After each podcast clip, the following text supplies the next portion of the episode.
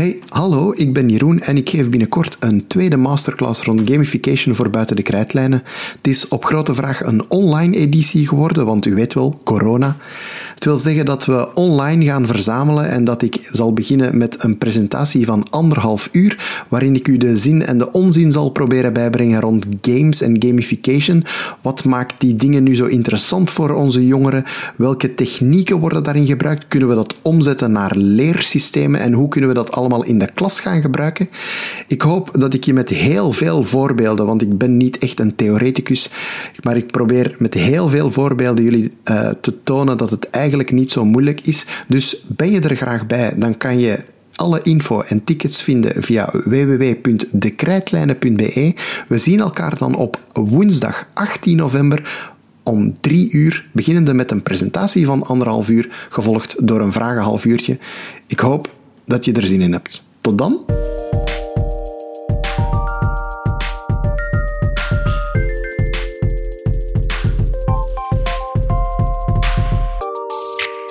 Welkom bij Buiten de Krijtlijnen. Mijn naam is Rinke van Hoek en dit is uw podcast over onderwijs. We gaan praten over CLIL. Dat staat voor Content and Language Integrated Learning.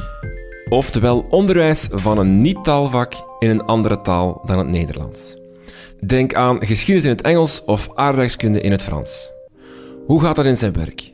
Spreek je dan echt geen enkel woord Nederlands? En geraak je dan wel vooruit met je leerstof als je het in een andere taal geeft? Ik sprak hierover met Lisbeth Martens en Touria Gandoul.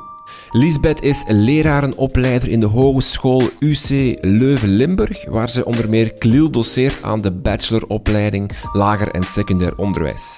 Ze schreef ook een boek over KLIL. Touria staat in het secundair onderwijs en doet aan KLIL. Zij geeft onder meer geschiedenis in het Engels. We praten over de voordelen van KLIL, hoe je het didactisch moet aanpakken en welke valkuilen je moet ontwijken. Lisbeth Martens en Touria Kandoel.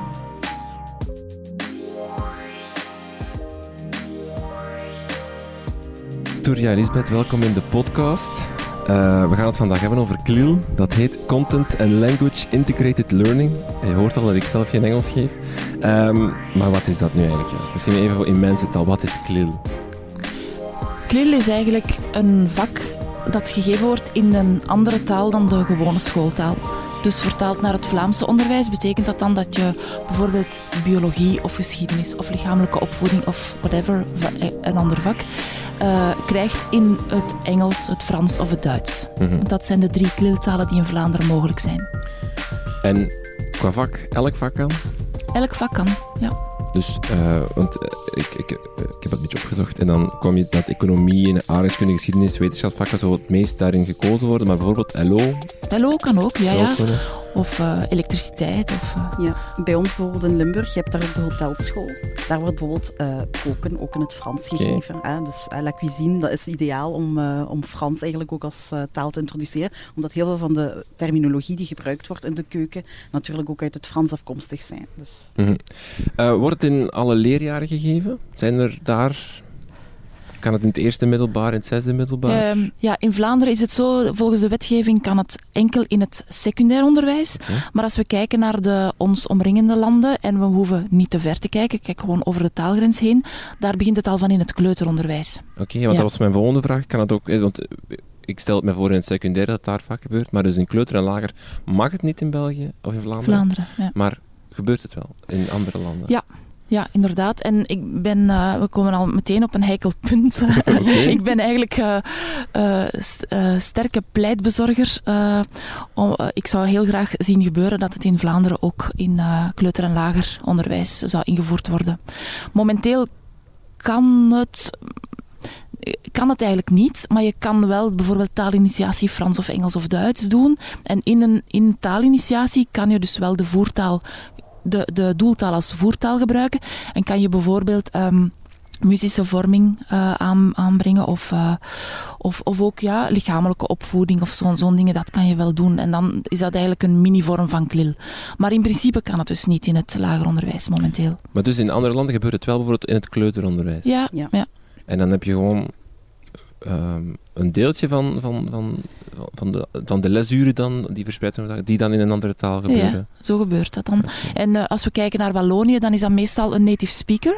Ja. Uh, dus dan uh, halen ze mensen uit Engeland of uit Vlaanderen binnen. of, of vanuit, vanuit Duitsland. Alhoewel, in, in Wallonië is het vooral uh, Engels en, en Nederlands, ja. in Klil. En vooral Nederlands dan nog. En, um, ja, wordt, daar wordt dat dan immersie genoemd, mm. immersion. En dan, ja. Uh, ja, de kinderen worden effectief gedurende een aantal uren in de week helemaal ondergedompeld in die taal en die cultuur. En je ziet daar ook wel... Allee, dat er een enorme groei is bij die kinderen. Ook een groei in zelfzekerheid. En dat is eigenlijk wel heel mooi om, om te zien. Is het ook zoiets van, hoe jonger je daarmee begint, hoe... Uh normaler, maar ook hoe sterker het effect kan zijn. Ja, dat taal is, is ook iets wat, wat, kleuters bijvoorbeeld of jonge kinderen echt opslorpen. Dat is zo, hè, ja. Um, er, er zijn geen, nog geen um, uh, heel duidelijke wetenschappelijke um, bewijzen dat hoe jonger je begint, hoe beter het is. Maar eigenlijk voelt iedereen dat wel een beetje vanuit zijn buikgevoel aan. Uh, het is ook heel moeilijk om dat te onderzoeken. Dus dat is eigenlijk de reden waarom, waarom we niet zo eensluitend bewijs hebben vanuit de wetenschap. Uh, maar er zijn zo deelbewijzen. Bijvoorbeeld het feit dat jongere kinderen uh, het impliciete leren is, is bij hen heel belangrijk. Dus ze pikken die taal heel spontaan op. En de, in, de, in dat kleuteronderwijs, daar komt er uiteraard nog geen grammatica bij te pas en zo. Um, maar die, die leerlingen, ja, die op de duur vinden die dat normaal dat die juf, die kleuterjuf of die kleutermeester tegen hen uh, in een andere taal spreekt. En, en na verloop van tijd is dat, is dat een heel natuurlijk gegeven. Hè. Dus, uh, en ook qua uitspraak zijn er ook heel veel... Um, voordelen als je jonger begint. Mm -hmm. Dat is als ze meer uh, natuurlijk de, de uitspraak van de, van de juf of meester overnemen. Ja, dat is ook, want je merkt bijvoorbeeld ook als je met je eigen kinderen bijvoorbeeld heel veel op reis gaat, op heel jonge leeftijd, en je verblijft ergens, ze pikken enorm snel taal op. Ze spreken het ook vaak heel correct uit. En ja, dat is... Het menselijk brein is eigenlijk een ongelooflijke spons, zeker ook qua talen. En dat bewijst eigenlijk ook dat er geen barrière is tot, allee, uh, tot groei of geen barrière is in de mogelijkheden die je hebt om aan taalverwerving te doen. En hoe sneller je eraan begint, hoe sneller je ook de linken kan leggen tussen de verschillende talen die je wel uh, meester bent. Hè. Omdat je dan ook de gelijkenissen ziet, je ziet de verschillen, je, ziet, je kan verbanden leggen. En dat is heel waardevol. Mm -hmm. allee, ja. het, het, mag officieel niet in Vlaanderen. Zijn er, zijn er wel stemmen of... of idee om dat toch uiteindelijk ja, toch wel, hoor. te integreren? Ja, ja, ja. ja in Vlaanderen is het momenteel um, een beetje ja, de politiek die tegenwerkt om, um, om KLIL ook in, in, bij jongere leeftijd uh, te introduceren in het onderwijs. Um, maar ja, als we, ja, we zijn eigenlijk op, de, op dat gebied een beetje een blinde vlek op de Europese kaart. In, in, uh, in heel Europa, waar KLIL is, uh, gebeurt het al vroeger dan, dan het secundair onderwijs. Dus ik heb, ik heb wel heel sterke hoop dat het uh, in Vlaanderen ook wel um, van de grond zal komen. Zeker als je ziet dat er, um, dat er heel wat uh, mensen uit het veld enthousiast zijn om het, mm -hmm. om het te, te, beginnen en om het te doen. Botst het misschien nu ook even met het hele um, versterken van het Nederlands? Je hoort, het, hoort de politiek dat nu wel heel hard uh, verkondigen van we moeten dat Nederlands terug versterken. Uh, het leesniveau daalt ook. Je, ziet ook uh, wat signaal dat, dat, dat, dat, die taal, de moedertaal dan Nederlands, wat verzwakt. Dat, dat, dat, die twee een beetje botsen. Zo enerzijds die, die push voor Nederlands, anderzijds dan gaan we opeens vakken in een andere taal beginnen geven. Ja, Zo, ja. Dat ja ik idee? denk dat dat zeker een, een rol speelt. Um, en dat, dat, is eigenlijk jammer. Enfin, nee, enerzijds begrijpelijk, hè, want iedereen gaat zal er wel mee akkoord gaan dat uh, de, een goede kennis van het Nederlands essentieel is en, en, dat dat primordiaal is en dat we daar echt voor moeten gaan en dat dat, uh, um, dat, dat ook de sleutel is naar, naar verder uh, zowel studiesucces als professioneel succes. Dat, en dat, dat, daar staan we er absoluut achter, daar is geen twijfel over mogelijk. Maar het jammer eraan is dat men, dat men denkt dat als men klil gaat introduceren, dat dat is ten nadele van het Nederlands. En daar is zoveel wetenschappelijk hm. bewijs over ondertussen dat dat niet het geval is. We, uh, aan de UCLL, waar ik werk, hebben we onlangs um, een grootschalige studie gedaan naar CLIL in Vlaanderen. Dus um, dat is de eerste uh, studie uh, op, dat, op dat gebied, want CLIL in Vlaanderen bestaat nog maar sinds 2014. Um, en, en onze studie onderschrijft wat internationaal ook al overal gevonden is, namelijk dat CLIL geen effect heeft op de beheersing van de schooltaal. Integendeel zelfs. Mm. Misschien even terug naar, naar de, de, de basics. Dus we, wisten al, we weten al dat, wat CLIL is, we weten al dat het mag gegeven worden in het secundair onderwijs. Maximum vijf uur per week? Officieel uh, staat er in de geschriften van de overheid maximum 20% van het curriculum. En dat ja. komt neer op ongeveer 5 uur per week. Ja. En officieel zeg je, wordt daar dan... Nee, nee, nee, maar omdat je zegt 5 uur, ah, ja, okay, ja, officieel staat er 20%. 20% ja. ja. zo. Uh, mag iedereen het geven? Uh, ik heb een diploma Nederlands geschiedenis. ik heb, kijk veel Netflix, dus mijn Engels is super, zou, zou ik onbescheiden durven zeggen. Mag ik het dan geven? Uh, nee, er zijn wel een Jammer. paar bepalingen. Uh, ja, iedereen, iedereen mag het, hè, maar je moet wel uh, aan, een bepaal, aan een bepaald aantal vereisten voldoen. Ten eerste, en je zegt het zelf al, je moet um, onderwijsbevoegdheid hebben. Dus um, ja, ik mag, ik mag als leraar wiskunde bijvoorbeeld niet zomaar um, fysica gaan geven. alhoewel dat daar de de richtlijnen ook wel heel soepel zijn. Want ja. als je gaat kijken op de website van het ministerie van Onderwijs en je, en gaat kijken wat... Um, er zijn enerzijds um, voldoende geachte ja. diploma's en anderzijds vereiste diploma's. Dus met die voldoende geachte kom je ook wel al heel ver. Dus je moet in eerste instantie pedagogische bekwaamheid hebben en dan liefst ook in het vak dat je gaat geven. Een diploma geschiedenis, om dan geschiedenis voilà, te mogen geven. Ja. Of een voldoende geacht, maar hè, in ieder geval grote interesse toch wel ja. in het vak dat je wilt geven. En dan wat de taal betreft, daar is, is de wetgeving um, ook wel uh, heel duidelijk in.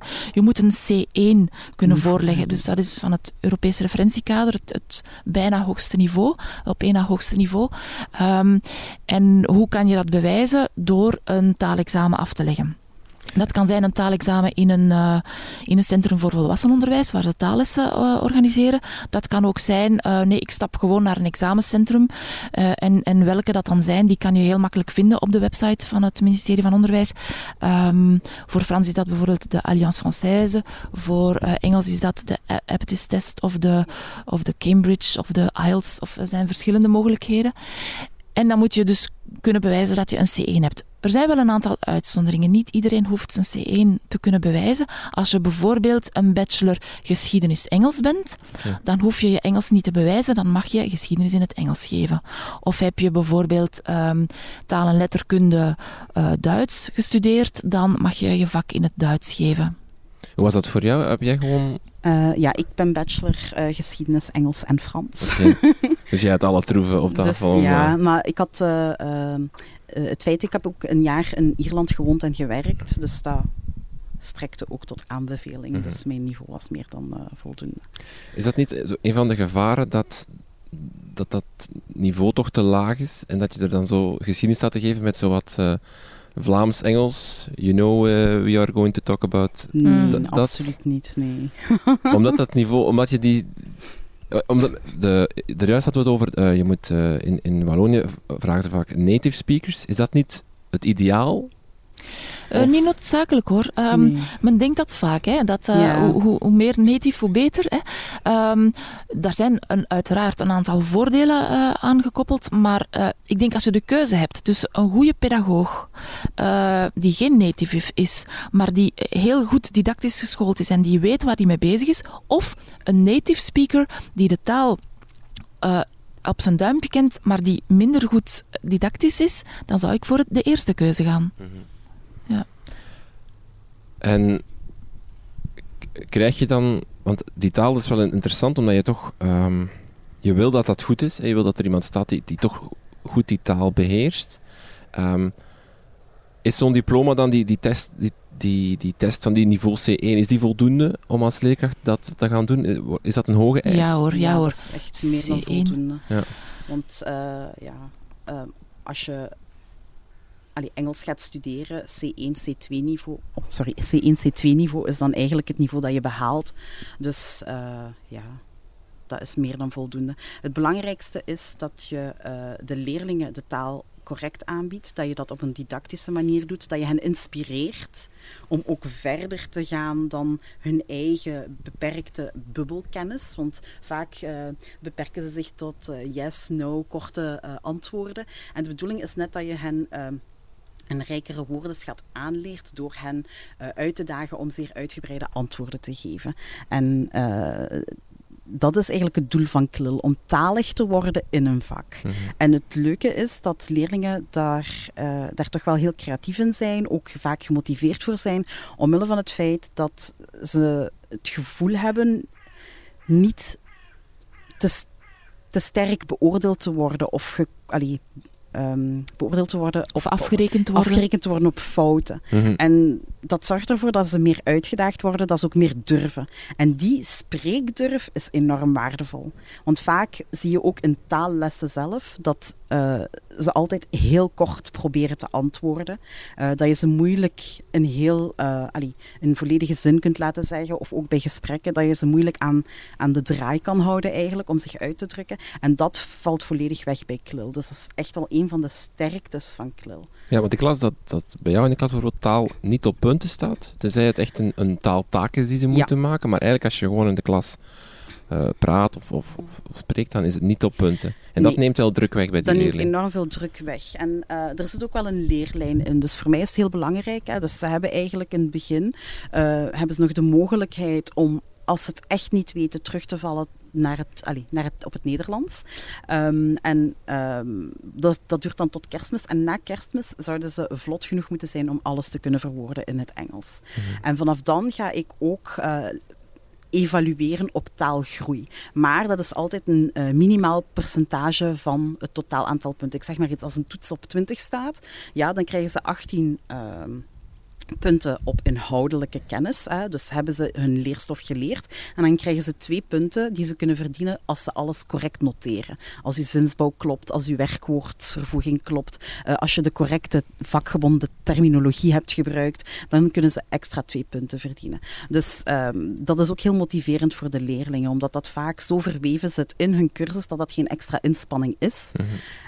En ja, ik ik vind dat heel belangrijk dat, dat dat motiverend blijft, ook voor hen en uitdagend blijft. En het zijn vaak geen simpele vragen die ze krijgen. Mm -hmm. Dus uh, het zijn open vragen waar ze soms echt heel veel tekst moeten schrijven. En dat zijn net de vragen die uh, het vak boeiend maken. Ja. Mm -hmm. um, mag elke school het organiseren? Als, als ik mijn school overtuigd krijg? Ja, uh, de school moet wel een klildossier indienen bij de overheid.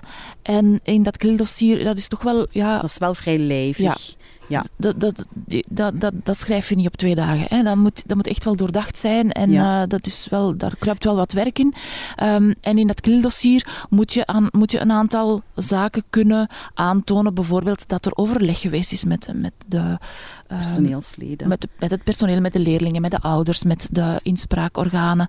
Ja. Um, moet je kunnen uh, aantonen hoe je, een, wat, wat, wat je begi beginsituatieanalyse is, wat je visie is op klil, welke leraren het gaan doen en of die dan ook zich hebben voorbereid op klil. Dus er zijn toch wel een aantal vereisten. Ja. Um, je mag het dus toch niet zomaar doen. En dat is maar goed ook, want je moet je daar echt wel uh, ja, ja. terdege op voorbereiden. Mm -hmm. Frans, Engels of Duits? Wat, wat is het beste? Er is geen beste. uh, je ziet zelfs scholen die, die verschillende talen aanbieden. Ja. Um, dat, dat, dat ga je niet zien in Wallonië. Hè. Daar gaat een school voor, gaat, een ja, school gaat voor, voor Engels of gaat voor, ja. voor, uh, voor Nederlands. Terwijl in Vlaanderen zien we vaak, uh, bijvoorbeeld eerste en de tweede graad is het in het Frans en vanaf de derde graad is het dan in het Engels of zo. Of alle mogelijke combinaties, combinaties zijn mogelijk. Er zijn zelfs leerlingen die in hetzelfde leerjaar zowel klil Engels als klil Frans ja, uh, aangeboden krijgen, of ook Duits. Of, uh, en is er uh, geen, ik kan me voorstellen, Engels is all around us. Ik bedoel, als je tv opzet, zie je reeksen in het Engels. We, we, we, worden constant geconfronteerd met Engels. Op dat gebied worden we genoeg impliciet, zal ik maar zeggen, gevoed. Is er dan niet zo'n voordeel van, ook met, met Frans, dat, dat um, ook daar daalt het niveau, hè, waar niet natuurlijk, maar is er geen... Um, extra reden om toch voor Frans te kiezen. Engels is, is overal te horen en te zien op tv, in reclame en zo verder. Er wordt wel genoeg impliciet mee gevoed. Is er dan toch geen voordeel om, om Frans te kiezen? Om, omdat dat toch een beetje taande is, moeilijker is voor, voor, voor leerlingen om daarmee in aanraking te komen, om zo impliciet daarmee om te gaan? Voor mij is dit precies een reden om inderdaad voor Frans te kiezen. Ehm, ik wil daarom niks zeggen over Engels, want het is ook heel goed om voor Engels te kiezen. Hè. Maar die reden die je nu net aanhaalt, uh, is volgens, volgens mij iets waar we in KLIL echt aan kunnen werken. Ja, uh, de, de motivatie van de leerlingen voor Frans is meestal ook iets minder groot dan voor Engels. Um, uh, ze hebben er een beetje schrik van, ze kennen het niet goed. Frans is een beetje een dode taal geworden voor hen. het zit niet meer zo in onze cultuur. Nee. En als je dan gaat klillen in het Frans, dan... Um, ja, dan, dan brengen die, die, die taal in hun, in hun leven. In, in hun, dan, dan hebben ze veel meer uren contact met het Frans dan alleen maar in de les Frans. Ja, want nu is het echt beperkt tot de drie uurtjes Frans mhm. of vier uurtjes Frans. Uh, in de klas. Voor de rest komen ze er eigenlijk niet mee in contact. Vroeger, wij hadden nog het voordeel, uh, ja, mijn ouders toch, wij keken naar uh, het nieuws op de BRT hè, in der tijd en dan ook op de RTBF. Dus mijn vader volgde het nieuws zowel in het Nederlands als in het Frans, dus dat was een voordeel voor ons. We pikten dat impliciet ook mee. Um, en ja, tegenwoordig is het alleen maar ja, VTM of VRT. Dus dat is heel beperkt. Mensen kijken niet meer zo rap naar Franse zenders. Dus ja, ook, ook Franse muziek komt buiten Angèle of uh, iets dergelijks, komt er heel weinig aan bod ja, het Angelsaksische, uh, het Angelsaksische is inderdaad wel um, diep ingeworteld in onze cultuur via media, via tv, via Facebook, mhm. Instagram, hm. muziek en dergelijke. Ja, maar je doet het ook in het Engels, hè? Ja, ik geef het ook in het is Engels. was, wat was, daar, was dat snel beslist? Of? Um, ja, dat was de beslissing die uh, de school op dat moment had genomen. Um, en ik vind het nog altijd heel waardevol hoor, want ze leren nu ook uh, het Engels gebruiken in een andere context. En ook woordenschat die ze niet krijgen in de Engelse lessen. Mhm. Omdat dat altijd vrij beperkt is tot allee, schooltaal. En ja, en nu gebruiken ze het actiever in een andere context. En ze leren dan ook andere woordenschat kennen. Ze leren ook andere soorten teksten lezen, wat uh, ook heel boeiend is. Dus het heeft wel zijn voordeel. Maar ik denk dat voor Frans je daar een win-win hebt in die zin dat je op die manier ook de taalkennis mee ondersteunt buiten het leerkracht Frans zijn. En dat is iets wat onze leerlingen echt wel uh, tekort komen. Ja, leerlingen ontdekken dan, dat, oh ja, dat is eigenlijk ook gewoon een taal waarin we kunnen communiceren. Dat is niet alleen iets dat we moeten studeren voor de les. En dat is, dat is het grote voordeel van KLIL. Inderdaad. Um, het gebeurt al in 125 scholen, las ik. Uh, zit, zit daar een stijgende lijn in? Uh, tot nu toe zagen we dat er per jaar ongeveer 20 à 25 uh, secundaire scholen bijkwamen. Dus die hun klildossier indienden bij de overheid en die dan groen licht kregen om met klil te starten het schooljaar nadien. Um, ik weet niet of het nu door corona ook, ook zo'n zo zo'n toename is, maar dat, dat is zo'n beetje de trend die we de laatste jaren gezien hebben sinds 2014. Elk jaar ongeveer 20 à 25 scholen erbij. Mm -hmm. De vakken, daar raakten we daar straks al even aan. Het is vak worden er aardrijkskunde, geschiedenis, wetenschapsvakken of, of economische handelsvakken gekozen. Eh, maar dus MO, LO, PO, zo kan ook. Eh, Absoluut. Zijn er vakken die, die waar je misschien nu die, die, die aangeraden kunnen worden van, kijk, dat is echt wel een goed klielvak of dat werkt wel heel goed. Of, of vakken die misschien minder voor de hand liggen, waarvan, we toch denken, waarvan je toch denkt van, dat is eigenlijk ook heel ja, goed werken. Ja, ik denk als, als je als school nadenkt over welke vakken zouden we willen in klil aanbieden, dan moet je eerst in eerste instantie gaan kijken welk personeel hebben we voorhanden ja. die daar enthousiast voor ja. zijn, hè, want dat is wel heel belangrijk. Ik, ik zou nooit als ik zou, nee, voilà, ik zou geen enkele directie aanraden om, om KLIL te gaan verplichten. Um, je, dat moet echt van, van, van onderuit komen en de leerkrachten moeten er echt zin in hebben, want je moet wel een beetje prettig gestoord zijn om met KLIL te beginnen. Er komt veel um, werk bij kijken, ja, inderdaad. Daar kunnen we misschien straks nog verder over uitweiden. Maar um, als je dan out of the blue zou nadenken van ja, welke vakken lenen zich daar goed toe? Ik zou zeggen alle vakken. Maar uh, wat een voordeel kan zijn, is dat je een vak neemt waar er heel, een vak neemt dat heel visueel is of uh, waar, waar uh, veel beweging bij te pas komt. Bevo of wat dat praktisch is. Ja. Bijvoorbeeld lichamelijke opvoeding is een, is een heel goed vak om in klil te geven. Muzikale opvoeding ook. Uh, wordt het ook dan vaak gekozen? Of juist niet? Ja, vaak gekozen. Ik, zoals ik al zei, uh, de reden waarom een school voor een bepaald klilvak kiest, is meestal niet van heel conceptueel van welk vak lijkt ons nu eens interessant en dan mhm. gaan we een leraar aanwerven die dat vak kan komen geven op onze school. Mhm. Nee, meestal gebeurt het op een andere manier, namelijk, oh, klil lijkt wel iets tof. Wie zou, de, zou daar zin in hebben om dat te doen? En dan wordt er begonnen vanuit de vakken van, waarvan er enthousiaste leerling, leerkrachten zijn. Mhm. ja. Maar uh, de, alle praktijkgerichte vakken, hè, want ik, ik, wil hier ook nog eens een pleidooi houden om in het BSO en het TSO met die praktijkgerichte vakken, eh, om die mhm. in klil aan te bieden. Hè, waarom niet garagetechnieken, uh, automechanica en dergelijke in het Frans, zodanig dat die leerlingen uh, geen schrik meer krijgen. Als ze een Waalse klant Als ze een, een, klant hebben die zich... In Mon joint culasse. Ja. Wat blieft. Misschien, dat, dat, er komen toe, het, het lijkt, uh, als, als, je het kortzichtig bekijkt, lijkt het iets van voor een sterke leerling nog sterker te maken, of om die maar meer uit te dagen, laten we die dan geschiedenis in het Frans geven. Kom aan, die kan dat wel aan. Is dat een verkeer, volledig verkeerde uh, manier van denken over Klil? Als je, als je gaat vragen bij de leerlingen waarom heb je voor Klil gekozen, zijn er wel heel veel die zeggen ja, het leek mij een toffe uitdaging. Uh, en bij, bij leerkracht is dat ook wel een, een reden. Ja, het is een goede uitdaging voor de leerlingen. Maar we mogen niet vergeten dat, dat het geen elitezaak is, Klil. Uh, het is niet zoals Latijn. Ik, ik krijg een beetje dat gevoel van, we gaan Latijn erbij pakken, dan, dan, hebben we minder uren van wiskunde, wordt het moeilijker, sneller, en dan hebben we nog een extra moeilijk vak erbij. Ja, ik, zou dat... daar, ik zou daar echt vanaf willen van, van, van dat beeld van uh, hoewel het in sommige scholen wel zo naar voren geschoven wordt. Maar zoals ik daarnet ook al zei, ik zou echt wel willen, willen aanraden dat, dat meer en meer ook uh, leerlingen uit BESO en TESO met KLIL in contact zouden komen. Het zou echt wel een boost kunnen betekenen voor hun, voor hun zelfvertrouwen. Bij mhm. ons in het GO bijvoorbeeld in Hasselt, daar wordt uh, haartooi ook in het Frans gegeven, koken wordt in het Frans gegeven. Dus er wordt ook gekeken naar uh, ja, hoe kan je dit aan zoveel mogelijk leerlingen aanbieden, zodat ze ook weten wat het is. En mochten ze daarin verder willen gaan, dan, kunnen ze dan, dan zijn er ook uh, specifieke vakken die dan ook in de tweede en de derde graad in dat vak worden, uh, in die taal worden gegeven. En dan kunnen ze daarin verder groeien. En dat mhm. is dan wel leuk om te zien. Maar inderdaad, TSO en BSO zouden inderdaad wat meer aangemoedigd moeten worden om ook die overstap te maken. Mhm. Het is echt een meerwaarde. Er zijn mooie voorbeelden. Hè. Je haalt er al haartooi, gelaatsverzorging, ja. uh, personenzorg. ik, heb, ik heb onlangs zo'n uh, getuigenis gezien van twee leerkrachten die, die, uh, die met BSO-leerlingen in, in die sector uh, werkten. En die, die liepen zo over van enthousiasme. En je zag ook, er hadden ook video's bij, je zag hoe die leerlingen um, ja, begonnen te stralen als ze dan met Franstalige klanten of patiënten konden omgaan. Um, en dat ze, zichzelf. Ja, dat, ze ook bijvoorbeeld over het weer konden spreken en zo. Want hm. anders is dat zoiets heel theoretisch. Ja, waarom moeten we nu over het weer kunnen spreken in het Frans? We hebben dat toch nooit nodig. Maar als, als ze dat dan in de context zien, en dan waren ze ook fier dat ze dat konden. En dan, ja, dat zou ik echt willen aanraden en aanbevelen. Want eh, is het, is het moeilijker? Maakt het een vak moeilijker? Ik denk, de allee, in de eerste fase gaat het moeilijker zijn, omdat je natuurlijk in contact komt met een hele lading vakgebonden terminologie in een andere taal. Dus mhm. dat is iets waar je, over, allee, waar, je, allee, waar je aan gaat moeten werken, waarvoor je gaat moeten studeren. maar uh, daarna is het gelijk ze zeggen, ja, dan is het free sailing, eigenlijk ze zeggen. Het is ook zo dat leerlingen niet moeten denken van, ja, als ik voor klil ga kiezen, dat gaat sowieso moeilijker zijn.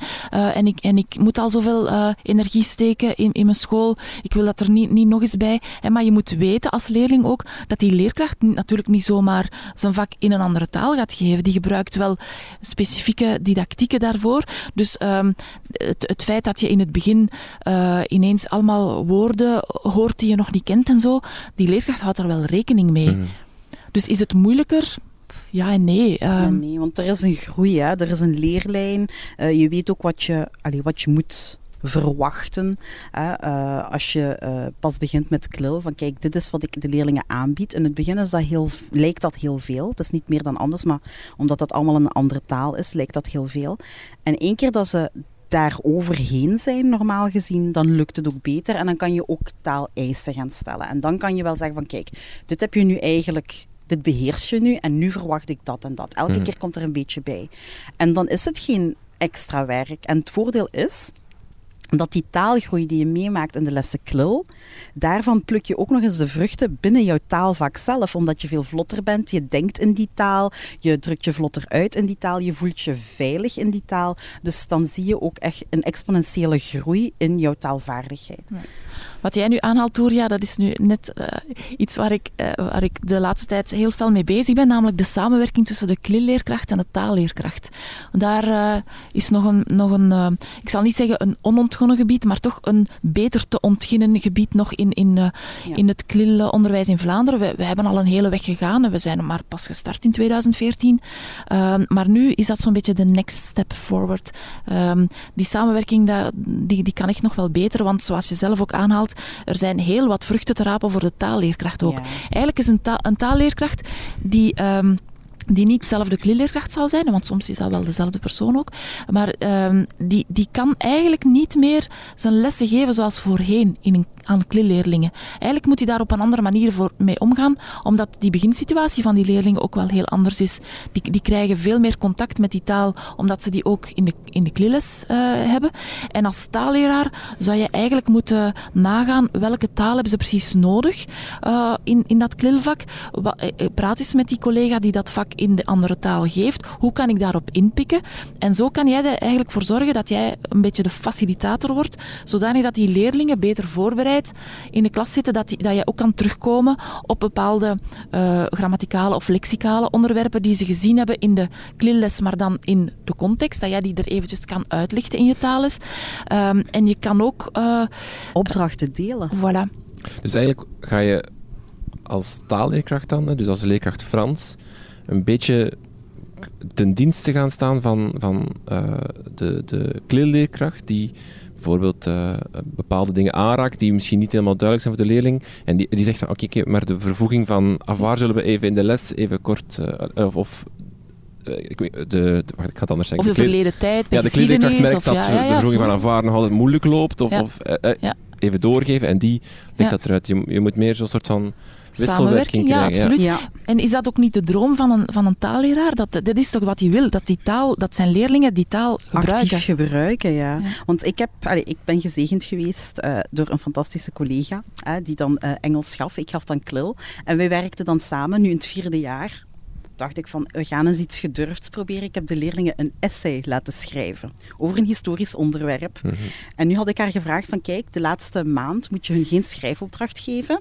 Wij gaan in, de, in mijn les werken aan de schrijfopdracht. Ze moeten een essay schrijven over een onderzoek dat ze gedaan hebben ik zal de historische inhoud verbeteren als jij het taalkundig aspect voor jouw rekening neemt. Dan heb jij eigenlijk meteen ook je schrijfopdracht. Maar intussen kan jij gewoon je lessen doorgeven en verlies je geen tijd aan het maken en zorgen dat die leerlingen in de klas kunnen werken aan een essay, dat neem ik voor mijn rekening, omdat het gekoppeld is aan historisch onderzoek. Ja. Ook tijdwinst voor de leerlingen. Ze moeten geen twee schrijftaken mm -hmm. schrijven. Eentje voor, uh, voor geschiedenis voor, en nog eentje voor Engels. Engels. En op die manier is het een win-win situatie. En zij had dan een cijfer voor, allee, voor een schrijfopdracht. Ik had één voor als essay, dan historische opdracht. En we vulden elkaar perfect aan. En dat was, allee, dat was heel goed gelukt. En dat hebben we dan de jaren daarna verder uitgebreid. Dan hebben we ook andere opdrachten geprobeerd. Ja. Ook spreekopdrachten. Ja. Um, wij hebben, uh, met onze leerlingen zijn we ook naar Antwerpen geweest. Uh, waarbij ze uh, zelf moesten gidsen. Mijn leerlingen deden dat dan in het Engels. Mhm. Dus uh, historische gebouwen bespreken, schilderij bespreken. Dus al de woordenschat die ze actief hadden geleerd in de les, werd dan uh, ja, actief gebruikt uh, in een andere context als gids. je bent de historische gids. Jij gaat ook ons rondleiden in het museum, je gaat ons rondleiden in de kerk. wat zie je? bespreek dat plaats dat in een historische context. En mijn collega Engels gaf punten voor spreken, ik gaf punten voor de inhoud. Kijk eens aan. Um, nog, nog even over die, die moeilijkheid. Zijn er leerlingen waar het niet voor werkt? Ja, uh, daar moeten we eerlijk in zijn. Ja. Uh, elk jaar zijn er wel een paar, maar, maar ik zeg een paar, maar dat is dan één of, of twee leerlingen of zo. Dat is echt heel weinig bij wie het niet lukt. Maar dat zijn leerlingen die die zonder klil ook in de problemen ja, zouden komen. echt taalarm zijn. De, allee, daar merken we wel dat er, als er een probleem is sowieso met de schooltaal al bijvoorbeeld, hè, dus het Nederlands soms, um, dat het een extra uitdaging is om dan klil te doen. Omdat je dan buiten, want die leerlingen die dan... Uh, anderstalig zijn, hè, bijvoorbeeld uh, ja, ex-Okanners, dat zij soms moeite hebben om sowieso al het Nederlands te leren. Dan komt er nog een taal bij. Dat maakt hun belasting eigenlijk wel soms moeilijker. Maar je hebt ook, ex, allee, ook aan leerlingen die dan instromen in, in gewoon ASO, maar die heel goed zijn in talen. En die mhm. eigenlijk soms beter Engels kunnen dan de leerlingen die eigenlijk al les hebben in mijn klas. Dus het hangt van leerling tot leerling af. Maar je merkt wel dat ze een... Allee, ze moeten ook taalgevoel hebben en je moet sterk zijn in je eigen taal ik vind dat toch wel belangrijk. Je merkt als er taalarmoede is, dat het soms moeilijker lukt. Ja, het kan ook aan andere dingen liggen. Ja. Socio-economisch, uh, sorry, um, sociale aspecten of uh, de thuissituatie. Of, ja, uh, er zijn allerlei redenen waarom leerlingen het moeilijk kunnen hebben in hun schoolloopbaan. En ehm, het is zeker niet dat, dat KLIL die moeilijkheden extra in de verf zet of zo. die moeilijkheden zijn er dan al. En dan kan er soms wel beslist worden dat KLIL voor deze leerling dan minder, minder uh, aangewezen is. Is het daarom dat, dat je best ook altijd, of, of kun je wat misschien zelf moet, keuze moet aanbieden? Van, je kan ofwel Nederlands, uh, geschiedenis in het Nederlands of geschiedenis in het Engels of Ja, um, ik weet niet of dat de reden is, maar um, dat is eerder een politieke beslissing, uh, lijkt mij. Uh, maar een, een, school moet inderdaad, als ze met KLIL begint en... een, een, parallel traject in het Nederlands hebben. Ja. Okay. De, de, de, de kinderen moeten de keuze hebben tussen, ga ik het in het Nederlands volgen of in, het, in de vreemde taal. Ja.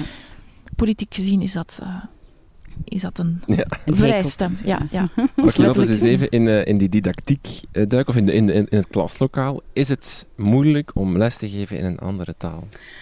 Nee, ik, ik vind persoonlijk van niet. Uh, in het begin is het natuurlijk altijd even wennen in september, want je moet dan ook een beetje, zeker als het nieuwe leerlingen zijn, ik geef les in de tweede graad, dus die, ik heb geen les gegeven in de eerste graad, dus ik krijg nieuwe gezichten voor mij in het derde jaar. En dan is het altijd even aftasten, oké, wat is hun niveau, wat kunnen ze, wat kennen ze, wat weten ze. En dan op basis daarvan pas je natuurlijk de manier waarop je les geeft aan.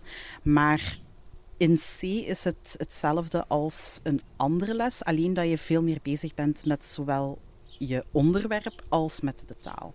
Terwijl een leerkracht die enkel geschiedenis geeft, gaat zich enkel bezighouden met de leerplandoelstellingen geschiedenis. Voor ons is het belangrijk dat zij de leerplandoelstellingen behalen, maar dat Engels wel degelijk als vehikel gebruikt wordt om die doelstellingen te bereiken. Spreek je een woord Nederlands in een, in een? Um, in het derde jaar doe ik dat tot kerstmis, daarna niet meer. Daarna gebruik ik allerlei andere technieken. Uh, lichaamstaal, ge uh, gebarentaal. Uh, ik laat foto's zien. ik probeer een andere leerling dat uit te laten leggen. dus een sterkere leerling legt dan uit aan een zwakkere leerling wat dat ik precies bedoel of wat dat ik zeg, zonder dat er Nederlands gebruikt moet worden. En dat is net...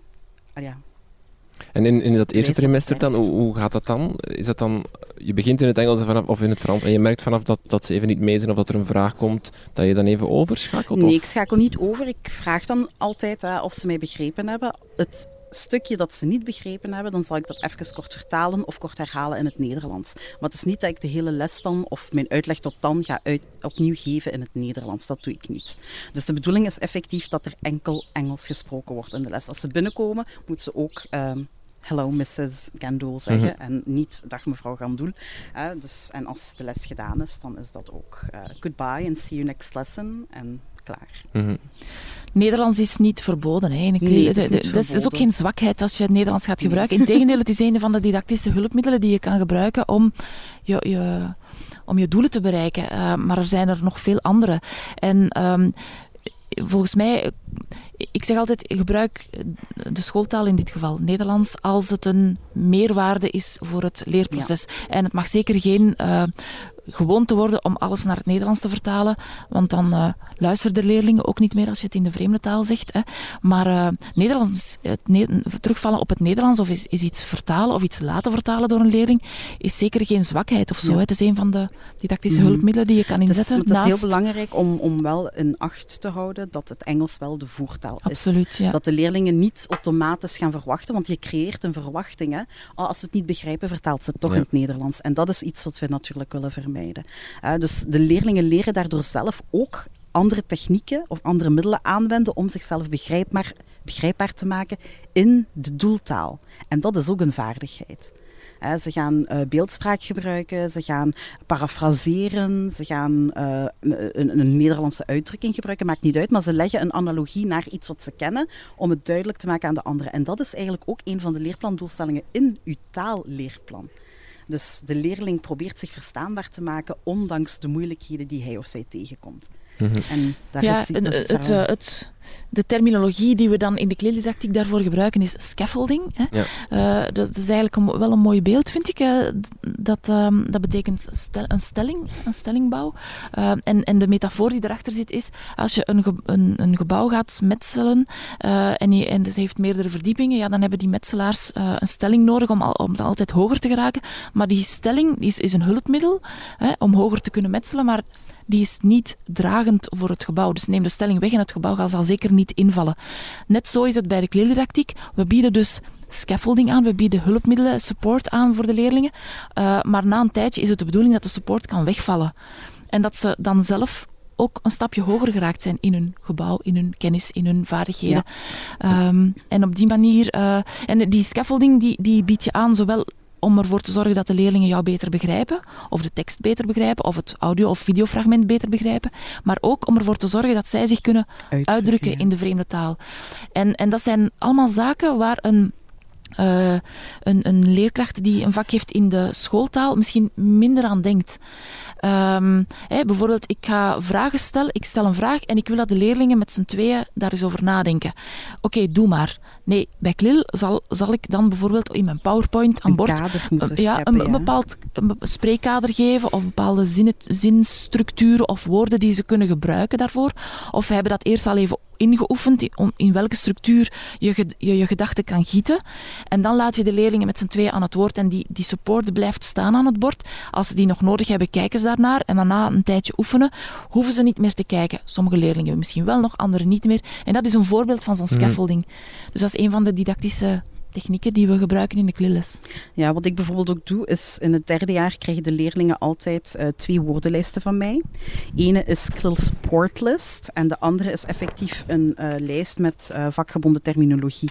En daarin staat aangeduid de woordjes die ze zien in het eerste trimester en de woordjes die ze zien in het tweede trimester. Zo zien ze eigenlijk en kunnen ze ook anticiperen van, ah oké, dit is de leerstof voor het eerste trimester. Dat, de woordjes staan ook in volgorde van de leerstof die ze die ze aangeboden krijgen. En je merkt in het derde jaar maken ze er intensief gebruik van en in het vierde jaar helemaal niet meer. Zelfs niet de supportlist, terwijl ze die altijd mogen gebruiken, zowel op examens als op toetsen, omdat ze die niet meer nodig hebben. Ze hebben er al een paar keer in gekeken en uiteindelijk wordt dat ja, vanzelfsprekend en ze hebben dat niet meer nodig. Moeten ze dan ook woorden studeren thuis? Woordenschatlijsten studeren? Of is dat iets dat, dat enkel in het, schooltaalvak Frans uh, thuis hoort. Nee, ze moeten ook bepaalde vakgebonden woorden schat studeren. Uh, renaissance moet je ook kunnen uitleggen in het Nederlands bij het vak geschiedenis, dus dat moeten ze ook kunnen uitleggen in het Engels. Um, um, maar dat is, dat, is, dat is inderdaad een inhoudelijk niveau. ja, dus dat is inhoudelijk. dus dat heeft te maken met de context van uw les. Um, dus dat is geen extra werk, want dat moeten ze eigenlijk voor de leerlingen die geschiedenis in het Nederlands uh, volgen, moeten dat ook kunnen. Um, dus dat is eigenlijk vrij beperkt. De woordenschat die ze moeten kennen, het is vaak gewoon omdat het in het Engels is, dat het voor sommigen misschien wat ingewikkelder is, voor anderen misschien gemakkelijker. Maar normaal gezien is dat, ja, dat valt eigenlijk goed te doen. Mhm. Wat voor hulpmiddelen kan je gebruiken als je uh, een tekst moet lezen? Nee, je geeft een tekst, daar staan dan veel moeilijke woorden, en zet je dan gewoon een woordenlijstje onderaan? Of is dat in, met vertaling Nederlands? Of is dat te Het is veel breder. Hè. Je kan nog veel andere dingen gebruiken ook. Uh, en dat, dat is dan handig als je dan ook zelf taalleerkracht bent. Dan ken je die strategieën. Uh, bijvoorbeeld in dit geval dan leesstrategieën. Uh, bijvoorbeeld, je gaat niet zomaar aan een tekst beginnen. Je gaat eerst eens nadenken, oh, waarover zou die tekst kunnen gaan? Welk soort tekst is het? Ik kan, hoe ziet die layout eruit? Zijn er, zijn er illustraties die mij al iets zeggen? wat zegt de titel mij? wie is de auteur? wat kan ik daar al uit afleiden? Heb ik al voorkennis over dat uh, onderwerp. Um, en, en dan ga je eigenlijk op die manier al de voorkennis uh, oprakelen, waardoor het lezen ook veel makkelijker wordt. Uh, waar, je kan ook gerichte vragen al op voorhand meegeven, zodat de leerlingen eigenlijk al een leidraad hebben. Oké, waar ben ik naar op zoek in deze tekst? Ja, ze weten waarop ze moeten letten. Ja. ja. en dan kan er inderdaad, kunnen er inderdaad bepaalde woorden vertaald zijn, zodanig dat ze, die, ehm, dat ze daar niet over struikelen als ze daar ehm, aan het lezen zijn. Het kan ook zijn dat bepaalde begrippen alles op voorhand door de leerkracht worden uitgelegd. of aan bod zijn gekomen, dat dat nieuwe woordenschat is maar reeds aan bod gekomen in de uitleg of de instructie die ze hebben gehad. Vertaling is één zaak, maar je kan ook werken met uh, illustraties om woorden uh, uit te leggen. Je kan ook uh, een, een, een, synoniem geven of een, verklarende, een verklarende zin voor, of een soort definitie in de doeltaal. Uh, er, zijn, er, zijn, verschillende manieren. Ja, je kan ook werken met uh, taalassociatie. Dus soms heb je ook bijvoorbeeld dat uh, een woord in het Engels lijkt op een woord in het Frans. En dan ja. ma maken ze automatisch, ah, oh, dat is dat, oh, dat wist ik niet.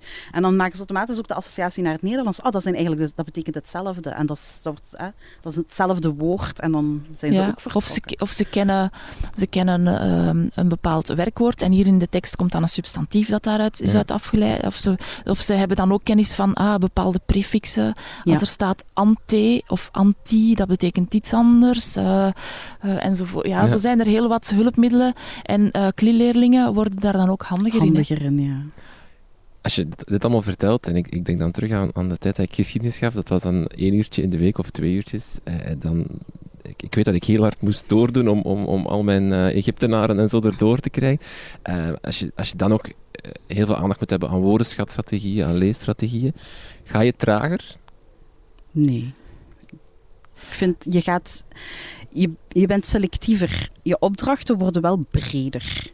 Dus um, je ziet je leerplandoelstellingen, je ziet ook je onderwerpen, je historische onderwerpen, maar de opdrachten die je maakt zijn complexer en gaan dieper, waardoor dat je eigenlijk ook meer leerplandoelstellingen bereikt. Um, en of je nu, ik zeg maar iets, een leerplandoelstelling um, over de kruistochten waarbij een vaardigheid aan bod komt. Of je die vaardigheid nu oefent met de kruistochten of je oefent die bij de renaissance, dat maakt niet uit. Het gaat om de vaardigheid. Ja, het thema waar, waaraan het gebonden is, is gewoon, biedt jou de mogelijkheid om dat op die manier te doen. Maar er zijn ook andere thema's die jou diezelfde mogelijkheid bieden. Dus qua kennis moet je niet er wordt niet inhoudelijk ingeboet. Nee, er wordt niet inhoudelijk ingeboet. Maar qua vaardigheden heb je veel meer mogelijkheden. De, het zijn dezelfde leerplandoelstellingen, of je nu het vak in KLIL of niet in KLIL uh, hebt. Uh, dat is één zaak. Uh, ja, als je dan moet aandacht besteden aan die leerstrategie, of de leerstrategie of leesstrategie of taalstrategie in mhm. het algemeen, um, dan is juist die samenwerking met, die, met je collega taal zo belangrijk. want die, die kan dat ook op zich nemen in, in de les en die kan die tekst alles op voorhand bekijken met de leerlingen. Of die kan een soortgelijke tekst of, een, of over hetzelfde onderwerp iets zien met de leerlingen. Um, en ik denk dat het ook zo is dat je bij KLIL misschien iets minder details gaat zien, uh, maar dat je wel echt ervoor zorgt dat de leerlingen wat ze leren ook echt goed kennen. En dat je dat ook controleert en in, in de les en dat je de leerlingen daar heel actief mee gaat laten experimenteren, um, oefenen. En um, onderzoeken, hè, dat is... Uh want allee, zeker in de tweede graad. Um, onderzoekscompetenties zijn belangrijk, want daar begint het eigenlijk. Het wordt dieper, uh, allee, er wordt dieper op ingegaan in de derde graad sowieso, maar vanaf het vierde jaar ben je eigenlijk al verplicht om de leerlingen te laten onderzoeken doen um, naar allerlei vraagstukken. Uh, voor geschiedenis kan dat perfect ook. En het leuke is, je kan hun dan elk een opdracht geven. Ah, jij bent een Nederlander, je bent protestant en je leeft in de 17e eeuw. Beschrijf mij jouw, jouw levensomstandigheid. Ah, jij bent een protestant, je woont in Frankrijk in de 17e eeuw. Beschrijf mij jouw levensomstandigheden. Ah, en dan krijg je al een heel historische context die je eraan kan koppelen. En die leerlingen gaan dat dan vertellen voor de klas.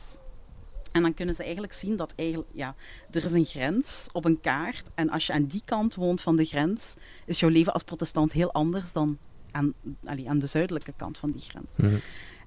En daardoor, door dat onderzoek zelf te doen, komen ze zelf tot, de, allez, komen ze zelf tot die conclusies die eigenlijk nodig zijn. Leren ze de, uh, de nodige uh, kennis. Uh, ze lezen ook de nodige bronnen. Ze zijn ook kritisch, want ze gaan bronnen vergelijken. En dat is eigenlijk net wat je wil. Mm En wat ook typisch is voor een kli-les is, ja, zoals in elke les heb je eigenlijk, ja, grosso modo, ik ga er nu heel met een heel grove borstel door, je hebt input, verwerking en output. Hè. Maar bij klil moet die output, moet je ervoor zorgen als klileraar dat die output ook talig is. Ja. Hè, want je bent niet niet alleen zaakvakleraar, je bent ook taalleraar. Dus je wil dat die leerlingen die vreemde taal actief zelf gaan gebruiken. Dus de outputfase gaat altijd aan iets taligs gekoppeld zijn, mondeling of schriftelijk.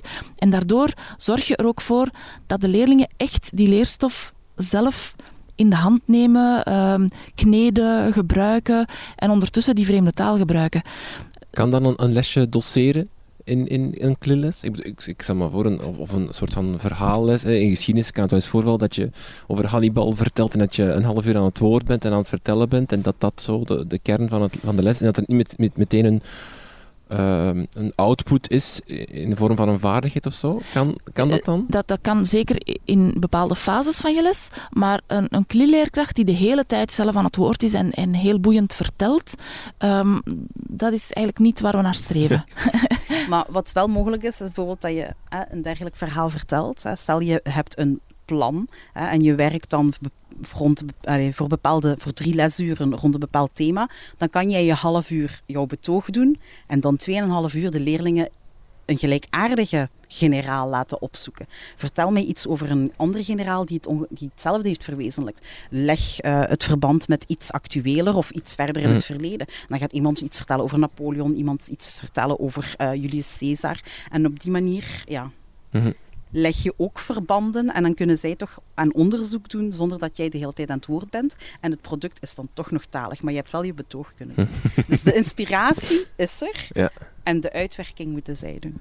Wat zijn valkuilen bij, bij een kliles? En de dingen waar, waar nog, nog in, in getrapt wordt? Ja, er zijn er wel een aantal. Ik, ik zal er al e beginnen met eentje.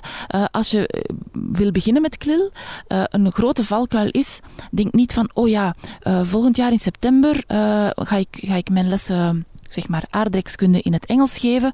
Uh, ik heb nog vier maanden de tijd om mij voor te bereiden. Ik ga hals over kop mijn uh, cursus Nederlands, die, uh, mijn, cursus, sorry, mijn, mijn cursus aardrijkskunde in het Nederlands die ik nu gebruik, vertalen naar het Engels. Dan heb, is dat toch al achter de rug, dan kan ik daar al mee starten. Dat is een valkuil, doe dat niet, want je, gaat, je gaat tegen de muur lopen. Het is niet de bedoeling dat je op, helemaal op dezelfde manier werkt zoals je nu in het Nederlands doet. Dus Um, bereid je eerst op een andere manier voor. Zorg dat je weet wat die klildidactiek inhoudt. Uh, Moet je daarvoor bijscholen? Ja, ja, toch wel dat is echt wel nodig. Ja. Wat, eh, stel dat ik leerkracht Frans ben en geschiedenis, eh, moet ik dan toch nog een klil bijscholing Dan ga je zeker al het voordeel hebben dat je weet wat de talige moeilijkheden gaan zijn van je leerlingen. Maar dan zou ik toch zeker ook nog aanraden dat je uh, dat je, je bijscholt. Um, eh, vele mensen zeggen klildidactiek, dat bestaat eigenlijk niet, dat is gewoon goede didactiek. Dat klopt voor een stuk. Uh, natuurlijk is het feit dat je in een vreemde taal uh, lesgeeft, brengt nog wel wat andere zaken met zich mee ook.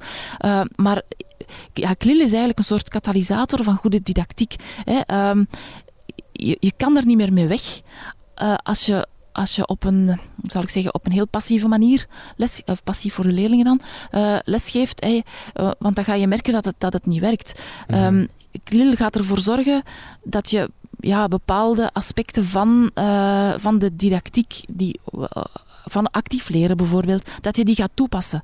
Uh, want, want je wilt toch aan die output geraken. Je wilt toch ook dat die leerlingen zelf de vreemde taal gaan gebruiken. Ja, als je ze passief naar je les laat luisteren, dan, dan, dan bereik je dat niet. Hè. Dus ja, en invuloefeningen, uh, enkel invuloefeningen of een cursus, een paar woordjes toevoegen, dat is helemaal niet het doel van KLIL. Mhm. Dus de productie moet effectief, hè, de, focus ligt ook op de productie van de leerlingen. Want qua didactiek lijkt me ook wel complex, omdat je eigenlijk uh, je bent enerzijds ben je inhoudelijk aan het lesgeven, je bent, bent uh, ja, in, uh, geschiedenis aan het geven. Anderzijds moet je ook altijd oog wel hebben voor ben ik hier talen gaan doen? Ben ik mhm, hier nieuwe mhm. woorden aan het gebruiken? Ga ik hier een begrip introduceren dat ik eigenlijk nog niet... Je moet daar toch constant... Eh, of zo'n, wat zijn hun behoeften en noden op taalgebied? En daar moet je ja, ook aan tegemoet komen. Zoiets simpel als jullie daar juist zeiden, van even samen met twee bespreken, je zou dat heel snel kunnen geven, maar je moet wel nadenken, die weten niet hoe ze dat moeten doen. Je moet zo'n kader... Maar daarom zeg ik net dat KLIL een katalysator is, want heel vaak eh, zijn leer, leerkrachten in het Nederlands daar niet mee bezig. Terwijl met daar die, ook wel Terwijl daar ook uh, problemen zitten. Um, en, en dat die leerlingen misschien in het Nederlands ook problemen problemen gaan hebben om die tekst te, te, lezen en, en te begrijpen. Of omdat als je ze met twee laat werken, dat ze ook die terminologie nodig hebben van hoe, hoe formuleer ik hier mijn antwoord. Uh, en dat, dat die scaffolding eigenlijk in het Nederlands ook wel heel handig zou zijn. Um, dus ja, over valkuilen gesproken, dat is valkuil nummer één. Begin niet hals over kop je Nederlandstalige cursus naar de vreemde taal te vertalen. Ja, maar... dat is een foute insteek. Ja. maar wat moet je dan, dan, om daar misschien even direct op door te gaan? Want ja, qua cursusmateriaal, ik weet niet of er heel veel voorhanden is, of, of is dat eigen werk dat je zal moeten... Heel vaak wel, hè. Ja. Uh, nu, het voordeel dat is toch ook een extra... Ja, ja absoluut. Ja. En daar, oh, Daarom dat je dus een intrinsiek gemotiveerde leerkracht nodig hebt. ja. Want uh, hoe, hoe, hoe, hoe, pak jij dat aan? Maak je alles zelf? Ga je zelf op zoek naar teksten? Naar, uh, naar, ik ga zelf op zoek naar teksten. Um, maak, ja. Jij maakt je eigen cursus? Ik, maak je, ik heb mijn eigen cursus gemaakt voor het derde en het vierde jaar. Um, en ik heb eigenlijk verschillende cursussen langs elkaar gelegd. Hè, dus verschillende handboeken, verschillende werkboeken. En ik heb daaruit meegenomen wat ik nuttig vond qua structuur en indeling. En dan heb ik gezocht naar, oké, dit kan ik maken, met wat ga ik het maken? Dus ik moet dan bronnen zoeken die dan ook toegankelijk zijn voor leerlingen. De hmm. bronnen moeten authentiek zijn, maar toch in het Engels. Dus daar komt al wat opzoekwerk bij kijken. En dan moet je dan ook je teksten, je inhoud van je cursus zelf gaan schrijven. Um, en dan moet je opletten dat je niet dat is dan ook een valkuil, hè, omdat je zelf dan sterk bent in Engels, dat je niet te hoogdravende taal gaat gebruiken. Het moet op niveau van de leerlingen blijven. Er, er mag, mogen ook wel uit, uitdagingen in zitten, maar... Uh, dus dat is, dat is een, hele, een, een, heel, een heel puzzelwerk. Maar enorme extra werk, toch? Of? Ik vind dat dat ja, je werkt hard in het begin en daarna heb je het wel. En dan is het ook heel gemakkelijk om dingen te vervangen. Oh, dat is verouderd, dat, dat, dat kan ik niet meer gebruiken. Of je, je ziet, ehm, je ziet bijvoorbeeld in dat een bepaalde nieuwe methode beter toepasselijk is voor jouw project. Dan ga je dat eens uittesten. En ja, iedereen die een eigen cursus maakt, weet dat een cursus nooit af is. Mhm. Je blijft er altijd aan sleutelen. Want je, je bent als leerkracht ook perfectionistisch. Je wilt constant verbeteren, iets nieuws, iets uitdagender. Het moet ook blijven aanleunen bij de leefwereld van de leerlingen. Want de leerlingen van tien jaar geleden zijn ook niet meer de leerlingen van nu en dat maakt het eigenlijk net boeiend en uitdagend en verfrissend, omdat je er constant mee bezig bent. Ja, we moeten daar niet flauw over doen. Hè. Dus als je dus... met Klil begint, dat is gigantisch veel werk. Dus uh, je moet dat, uh, prettig gestoord zijn om het te willen doen. Maar het zijn juist die prettige storen die we nodig hebben voor Klil. Um, maar het voordeel is wel dat er nu uh, zo netwerken beginnen te ontstaan. de koepels spelen ja. daar ook een actieve rol in. Hè. Die, die brengen ook mensen samen die hetzelfde vak geven. Um, en pedagogische adviseurs ook, hè, die ja. dan ook overleggen met andere scholen en zorgen bijvoorbeeld van, wij kennen een ervaren leerkracht KLUL, jullie gaan pas starten met KLUL, kunnen wij jullie met elkaar in contact brengen? Dus er ontstaat uh, wel een support system. Um, bijvoorbeeld binnen het GO um, hebben wij een pedagogisch adviseur voor uh, KLUL, die verzamelt dan ook bijvoorbeeld uh, voorbeeld, voorbeelden van hoofdstukken van KLUL-cursussen van over heel het land en die zet die op de pagina om Smart School. Mm -hmm. um, en als je bijvoorbeeld je cursus vernieuwt, kan je dan ook de nieuwe versie van dat hoofdstuk stuk erop zetten. Dus de bedoeling is niet dat dat gekopieerd wordt, maar dat dat andere mensen inspireert en dat ze zien van oké, zo zag het er eerst uit, nu ziet het er zo uit. Wat kan ik, hoe kan ik dit naar mijn hand zetten, zodat het op maat is van mij en mijn leerlingen? Mhm. Kan ik er iets van gebruiken of niet? En die wisselwerking is wel heel leuk, dat dat op gang komt langzaam. Je hoort ook, als je Touria hoort spreken, hè, dus die kli-leraren zijn uh, leraren omdat ze zo hard hebben moeten zwoegen om hun materiaal bij elkaar te, te krijgen en, en naar hun hand te zetten en, en aan te passen aan de noden van, van die kli-leerlingen, uh, zijn ze ook, er ook heel bewust mee bezig. En zoals Touria ook zegt, ja, je blijft eraan puzzelen, je blijft eraan sleutelen enzovoort. Ze weten heel goed van, oh ja, en als dat niet werkt, dan moet ik het op die manier aanpassen. Um, en, en op die manier krijg je een bewustzijn dat bij kli-leraren denk ik wel groter is dan bij leraren die gewoon in het Nederlands lesgeven en die misschien iets meer routineus lesgeven. Ja, of die misschien iets, iets routineuzer dat, ook de handleiding gaan volgen. Maar dat kan toch bijna niet, als ik jullie hoor, dat kan bijna niet zo op routine lesgeven, want je, je, ja, je, je niveau van je leerling qua taal ligt elke keer anders. Of, en dan heb je nog inderdaad dat, je hebt die twee sporen constant. Je kan nooit, je moet altijd goed voorbereid aan je les ja. uh, staan. Want ja. je moet... Maar het is wel een voordeel. Ja, ja. Je, want je merkt dan ook van, ah ja, de eerste keer dat je klil geeft, dan merk je van, oh, ik ben hier in een val getrapt. Oh, dat heb ik ook misgedaan. Maar dan, daar leer je uit. En na een tijdje weet je van, oké, dat is het niveau, dat is het type leerling. En uiteindelijk, je gaat ook veel meer onderwerpen zoeken en vinden die ook inspelen op de interesses van de leerling. Want geschiedenis is daar een heel dankbaar vak Mhm. voor. Dus, ja. Is er vaak onderschatting bij leerkrachten die het zo beginnen geven in het begin? Van die denken van ja, ik kan goed Frans, Allee, ik heb een diploma Frans Mhm. en ik kan geschiedenis, laten we dat hier even doen. Ja, ik denk dat de meesten toch wel schrikken van het extra Ja. werk. Ja. Ehm, ehm, wacht, ik wou daar nog iets op zeggen dat Toria zei. Ehm, ah ja, ja, ja, dat hebben we ook gemerkt uit ons onderzoek, eh, dat eh, leerkrachten daar enorm veel voldoening uithalen uit KLIL. Het is wel extra werk, maar ze zien ook resultaat. Ehm, en, en eigenlijk hebben we gemerkt in de antwoorden, want we hebben een grote enquête gedaan bij, bij KLIL-leraren, hebben we gezien dat, eh, dat KLIL een van de manieren kan zijn om uit de vlakke carrière te stappen eigenlijk. Ehm, ja, Ja, dat is ook. Dus je stapt uit een routine, je gaat naar iets uitdagends, je combineert twee passies. Hè? Want je hebt een passie voor een taalvak, passie voor een zaakvak. En je leert zelf ook nieuwe dingen kennen. Want allee, het is ongelooflijk eigenlijk hoe dat sommige leerlingen vaak, allee, vaak zelfs meer doen dan je gevraagd hebt. Wat heel zeldzaam is tegenwoordig soms. Maar echt hun grenzen zodanig verleggen dat ze de leerkracht ook gaan inspireren. En dat ze ook dingen aanbrengen waar je zelf niet bij hebt stilgestaan of waar je misschien zelfs geen weet van hebt. En daar leer je ook uit. Dus het is eigenlijk een, echt een symbiotische relatie die je hebt als leerkracht met je leerlingen. En ik vind dat fantastisch. Ja. Ja. Ja, ja, heel veel leerkrachten zijn, net zoals Toria, heel eh, eh, geïnspireerd en gemotiveerd. En eh, dat is natuurlijk ook wel fijn om, om vast te stellen. Maar als leerkracht leer je zelf ook heel veel bij je met Ja. KLIL. Want het is niet omdat jij goed Frans kan en dat je geschiedenis gestudeerd hebt en dat dat jouw passie is, dat je daarom ook al die terminologie kent in het Frans. Of dat je die, die bronnen kent. Dus je leert op, op dat gebied heel veel bij. Eh, maar didactisch leer je ook heel veel bij. Maar je moet wel. Want je moet telkens manieren zoeken om, om, om je lessen eh, ja, over te brengen. Ja, en als je zelf op een probleem stoot van oei, ik weet hier niets over, dan moet je zelf ook jezelf gaan bijscholen. En dan merk je ook waar ligt hier de moeilijkheid. En dan kan je al anticiperen van voor die leerlingen gaat dat ook zo moeilijk zijn. En dat maakt eigenlijk dat jouw lessen ja, veel vlotter verlopen, omdat het beter in elkaar gepuzzeld is. Ja, ik heb daarnet ook al de term katalysator gebruikt. Hè. Wat we ook zien gebeuren is dat uh, klilleerkrachten noodgedwongen, laten we zeggen, bepaalde didactische technieken gaan toepassen in hun klillessen. En dan, dan tot de constatatie komen van, eigenlijk werkt dat wel beter. Waarom heb ik dat al die jaren eigenlijk niet in het Nederlands gedaan? Ja. En op die manier gaan eigenlijk hun lessen in het Nederlands ook aangepast worden. Dus op, ook op dat gebied is KLIL een katalysator. Uh, valkuil 1. Zijn er nog valkuilen? En wat hadden bij het uh, niet je cursus vertalen naar het Engels het, het, en dat soort over extra werk? Ja, zijn er nog valkuilen? Ja, Touria zei daarnet al, het, het, ja, het niveau van je leerlingen ja, om, dat je uh, probeert, overschatten misschien? Ja.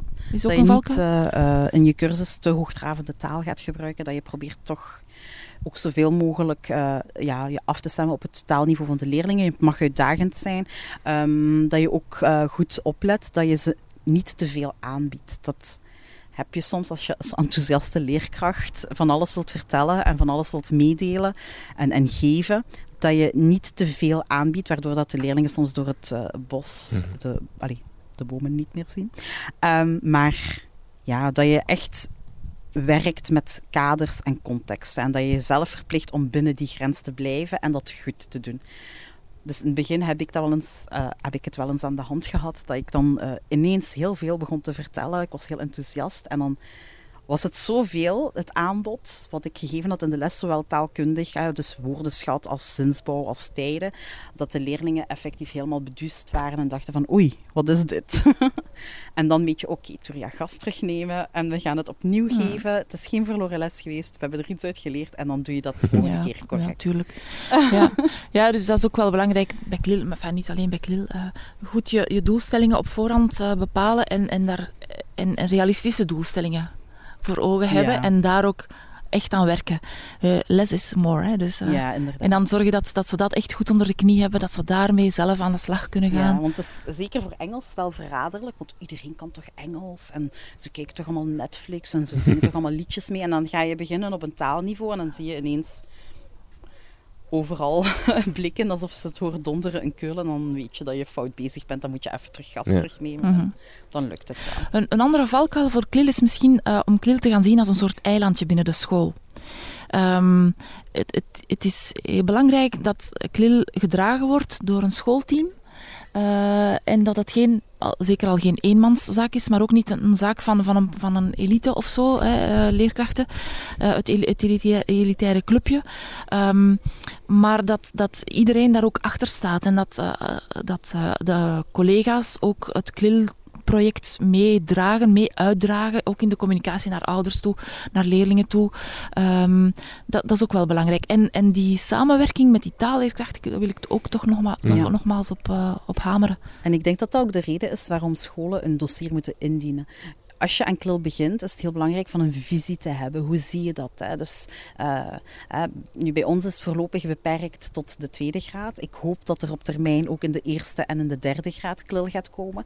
Want dat zou ideaal zijn. Dan heb je effectief ook die groeilijn. Hè, mhm. die, uh, um, die de leerlingen ook meer uitdaagt en meer kansen biedt. En dat is iets waar je ook als school over moet nadenken. Hoe ziet dat eruit, zo'n ideale groeilijn? Want ja, KLIL kan in verschillende talen gegeven worden. In verschillende vakken. In verschillende, vakken. Uh, um, heb je dan idealiter dat er bijvoorbeeld uh, zes jaar een traject loopt van geschiedenis in het, in het Engels en dan...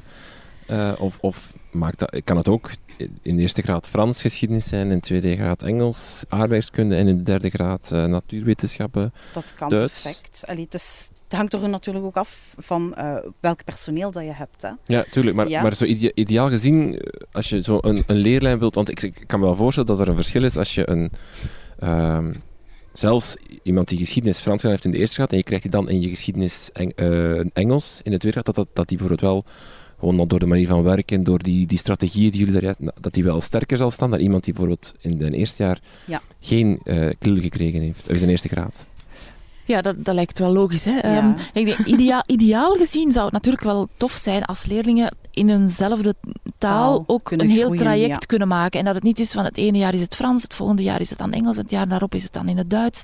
Ja. Uh, pas op, zelfs in dat geval gaan ze heel veel bijleren en heeft KIL wel uh, positieve effecten. Maar idealiter zou het mooi zijn als er in, in één taal uh, een heel traject is. En, en, en waarom niet meerdere kliltalen. Ja. Maar, dat, maar dat er een, een, leerlijn is over de jaren heen. Eventueel is een jaartje er tussen, van tussenuit, omdat je daar geen personeelslid hebt die in mhm. die taal uh, de klil kan aanbieden. Maar ja, dat lijkt me toch wel idealer dan, ja, dan zo'n puzzelwerk. Ook, omdat je dan ook kan groeien qua taalniveau. En dat is, dat is eigenlijk ook wel het, het uitdagende hè, bij KLIL. Dus dat je niet meer alleen bezig bent met je leerplandoelstellingen voor je vak, maar dat je ook qua taal meegroeit met het leerplan van het taalvak op mm. zich. De meerwaarde hebben hier al, is er al meermaals aangehaald. Hè. Dus, uh, het onderzoek heeft ook uitge, uitgewezen, er is een, een groot onderzoek uh, gebeurd. Uh, meer winst op spreekdur, spreekvaardigheid, de woordenschat, luistervaardigheid, leesvaardigheid, maar ook leermotivatie, zelfvertrouwen stijgt. Um, de kritische blik in mij zal zeggen dat komt omdat je enkele leerlingen voor je hebt die ervoor gekozen hebben. Ja, dat is inderdaad een, een, um, uh, een, een, een, bezwaar dat, dat, we, dat we heel vaak horen. En, en we hebben inderdaad ook gemerkt dat bijvoorbeeld leerlingen die voor KLIL kiezen, van bij het begin al meer gemotiveerd zijn dan de niet-KLIL-leerlingen. Dus de kritische stemmen zeggen dan, ja, zo is het gemakkelijk om uh, meer gemotiveerd... Want dat zeggen, door KLIL zijn ze meer gemotiveerd. Ze zijn gewoon al meer gemotiveerd bij het begin. Maar uh, wij hebben... Um, onze, onze data zodanig statistisch verwerkt dat, dat dat verschil bij het begin weggecalculeerd ja. wordt. Hè. En, en zelfs dan zien we dat de motivatie van de klilleerlingen minder snel daalt dan die van de eh, van de niet-leerlingen, ja. dat hun spreekvaardigheid, luistervaardigheid in de doeltaal er, er significant op vooruit gaat in vergelijking met de niet-klilgroep. Um, en, en al die andere voordelen die je daar noemt ook. Hè. Dus het is niet om... De, inderdaad, de kritische stemmen zeggen je, je, trekt een ander publiek van leerlingen aan. Dus ja, zo is het gemakkelijk om betere resultaten te halen. Maar zelfs na uitvlakking daarvan, bijvoorbeeld ook uitvlakking, je zou kunnen zeggen ja, uh, leerlingen met een hogere SES, socio-economische status, die doen het sowieso beter. In Klil zitten misschien meer van die leerlingen, dus is het ook logisch dat die het dan beter doen. Nee, dat is ook statistisch uitgevlakt. Je kan ook zeggen, ja, uh, uh, algemeen weten we dat meisjes het beter doen dan jongens in het secundair onderwijs. Dat is, dat is ook weggevlakt. Dus zelfs na herberekening zien we dat Klil op al die vlakken ja. positief scoort. Is het dan toch, als je dat, als je dat allemaal leest, die voordelen... Um kan je het dan niet gewoon beter uh, ver, uh, niet, ja, verplicht natuurlijk een moeilijk woord, maar, maar dat je zegt van ja, alle leerlingen Standaard doen, doen ja. als je school voor kiest, gewoon alle leerkrachten, alle leerlingen gaan geschiedenis in het Engels doen. Ja, ja. In sommige bij sommige scholen, scholen is het ook zo. Gedaan, en krijg je dan, heb je dan ook, want de vraag die ik me zou stellen is, gaan er niet veel leerlingen zeggen, zeg gewoon, we daar allemaal in het Engels te doen, vriend, uh, je kunt ook gewoon Nederlands praten. Nee, want als je dan uh, kijkt naar bijvoorbeeld uh, de scholen, zeker in West-Vlaanderen, die ook al begonnen zijn sinds de proeftuinen, daar merk je eigenlijk dat die scholen net meer aantrek hebben, ook omwille van het feit dat KLIL gegeven wordt hè, van 1 tot en met 6. En dat is een bewuste keuze die ouders maken en ook een bewuste keuze die de leerlingen maken nadat ze hebben kennis gemaakt met die school. Dus er is wel degelijk uh, een, een, draagvlak voor. Maar men moet, denk ik, vanuit de politiek ook een beetje het lef hebben om te zeggen van kom, we gaan gewoon maar, maar krijg je leerling ook overtuigd van, van het nut waarom dat we nu dat moeilijke vak van geschiedenis nu in een andere toch taal wel. We hebben dat ook gemerkt, want we hebben ook interviews gedaan met leerlingen. En bijvoorbeeld, we vroegen uh, naar de manier waarop uh, KLIL geëvalueerd werd. En ze, zei, ze zeiden bijvoorbeeld, ja, wij, wij mogen ook in het Nederlands antwoorden op de toetsen. Hè. En we vroegen, en doe je dat dan ook? Ah nee, hè. Uh, en en we, we, vroegen dan, ja, waarom niet? Dat zou toch veel makkelijker zijn? Ja, maar nee, daarom doe je toch geen klil. Hè? En, er, en trouwens, trouwens, zeiden ze dan, er is ook een attituderapport. En je wilt toch een goede, ja, goede attitude tonen. Maar eigenlijk waren die wel intrinsiek gemotiveerd. Uh, je zit in een kliltraject, dus je neemt dat erbij. Het is in een vreemde taal. En je merkt ook wel dat je, dat je heel veel vooruitgang maakt op, op het gebied van die taal.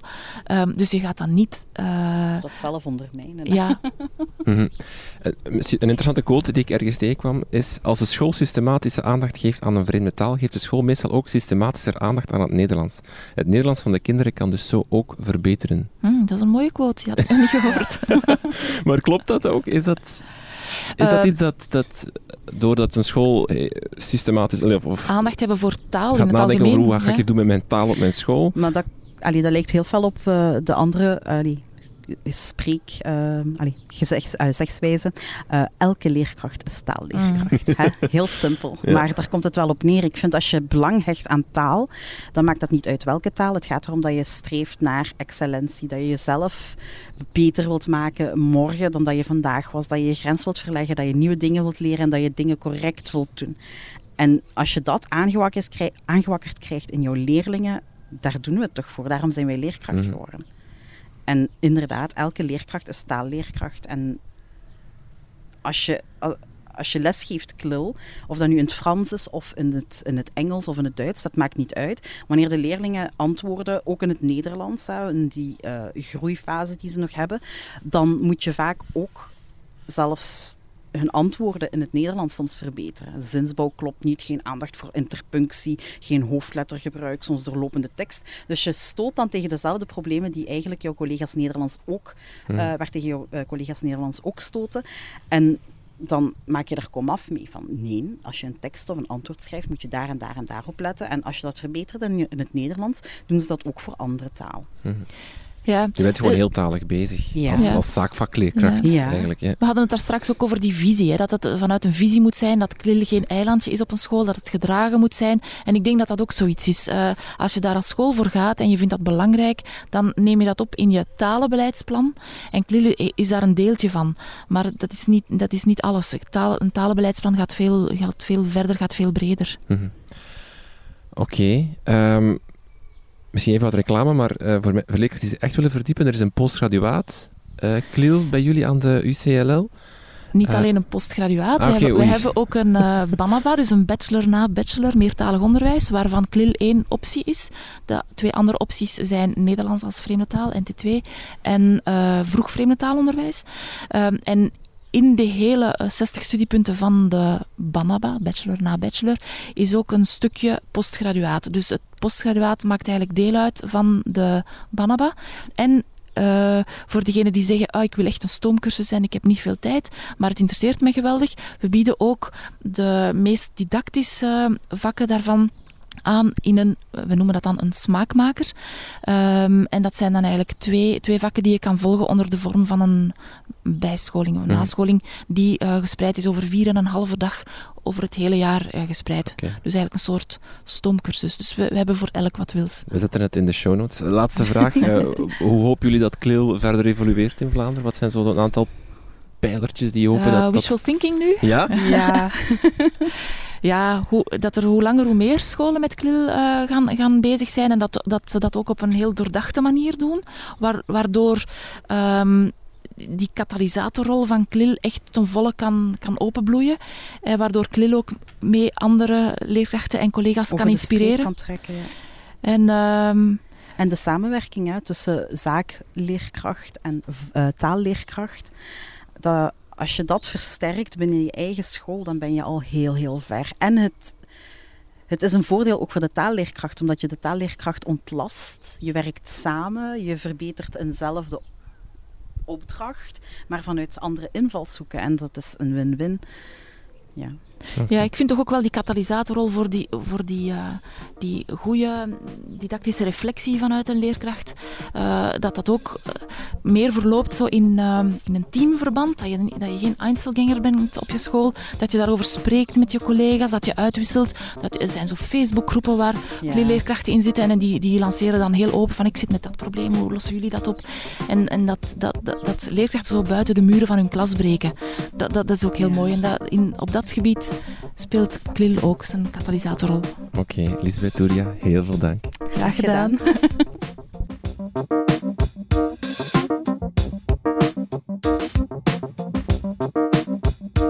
Dit was het alweer voor de 52e aflevering van Buiten de Krijtlijnen. Volgende week zijn we terug met aflevering 53. Alle info over deze podcast en over Klil vind je terug op onze website www.dekrijtlijnen.be. Je kan ons ook volgen via Instagram, Twitter en Facebook. Wil je ons financieel steunen? Dat kan via www.patreon.com slash Al voor 1 euro word je een straffe collega van deze podcast. Dank voor het luisteren en tot de volgende.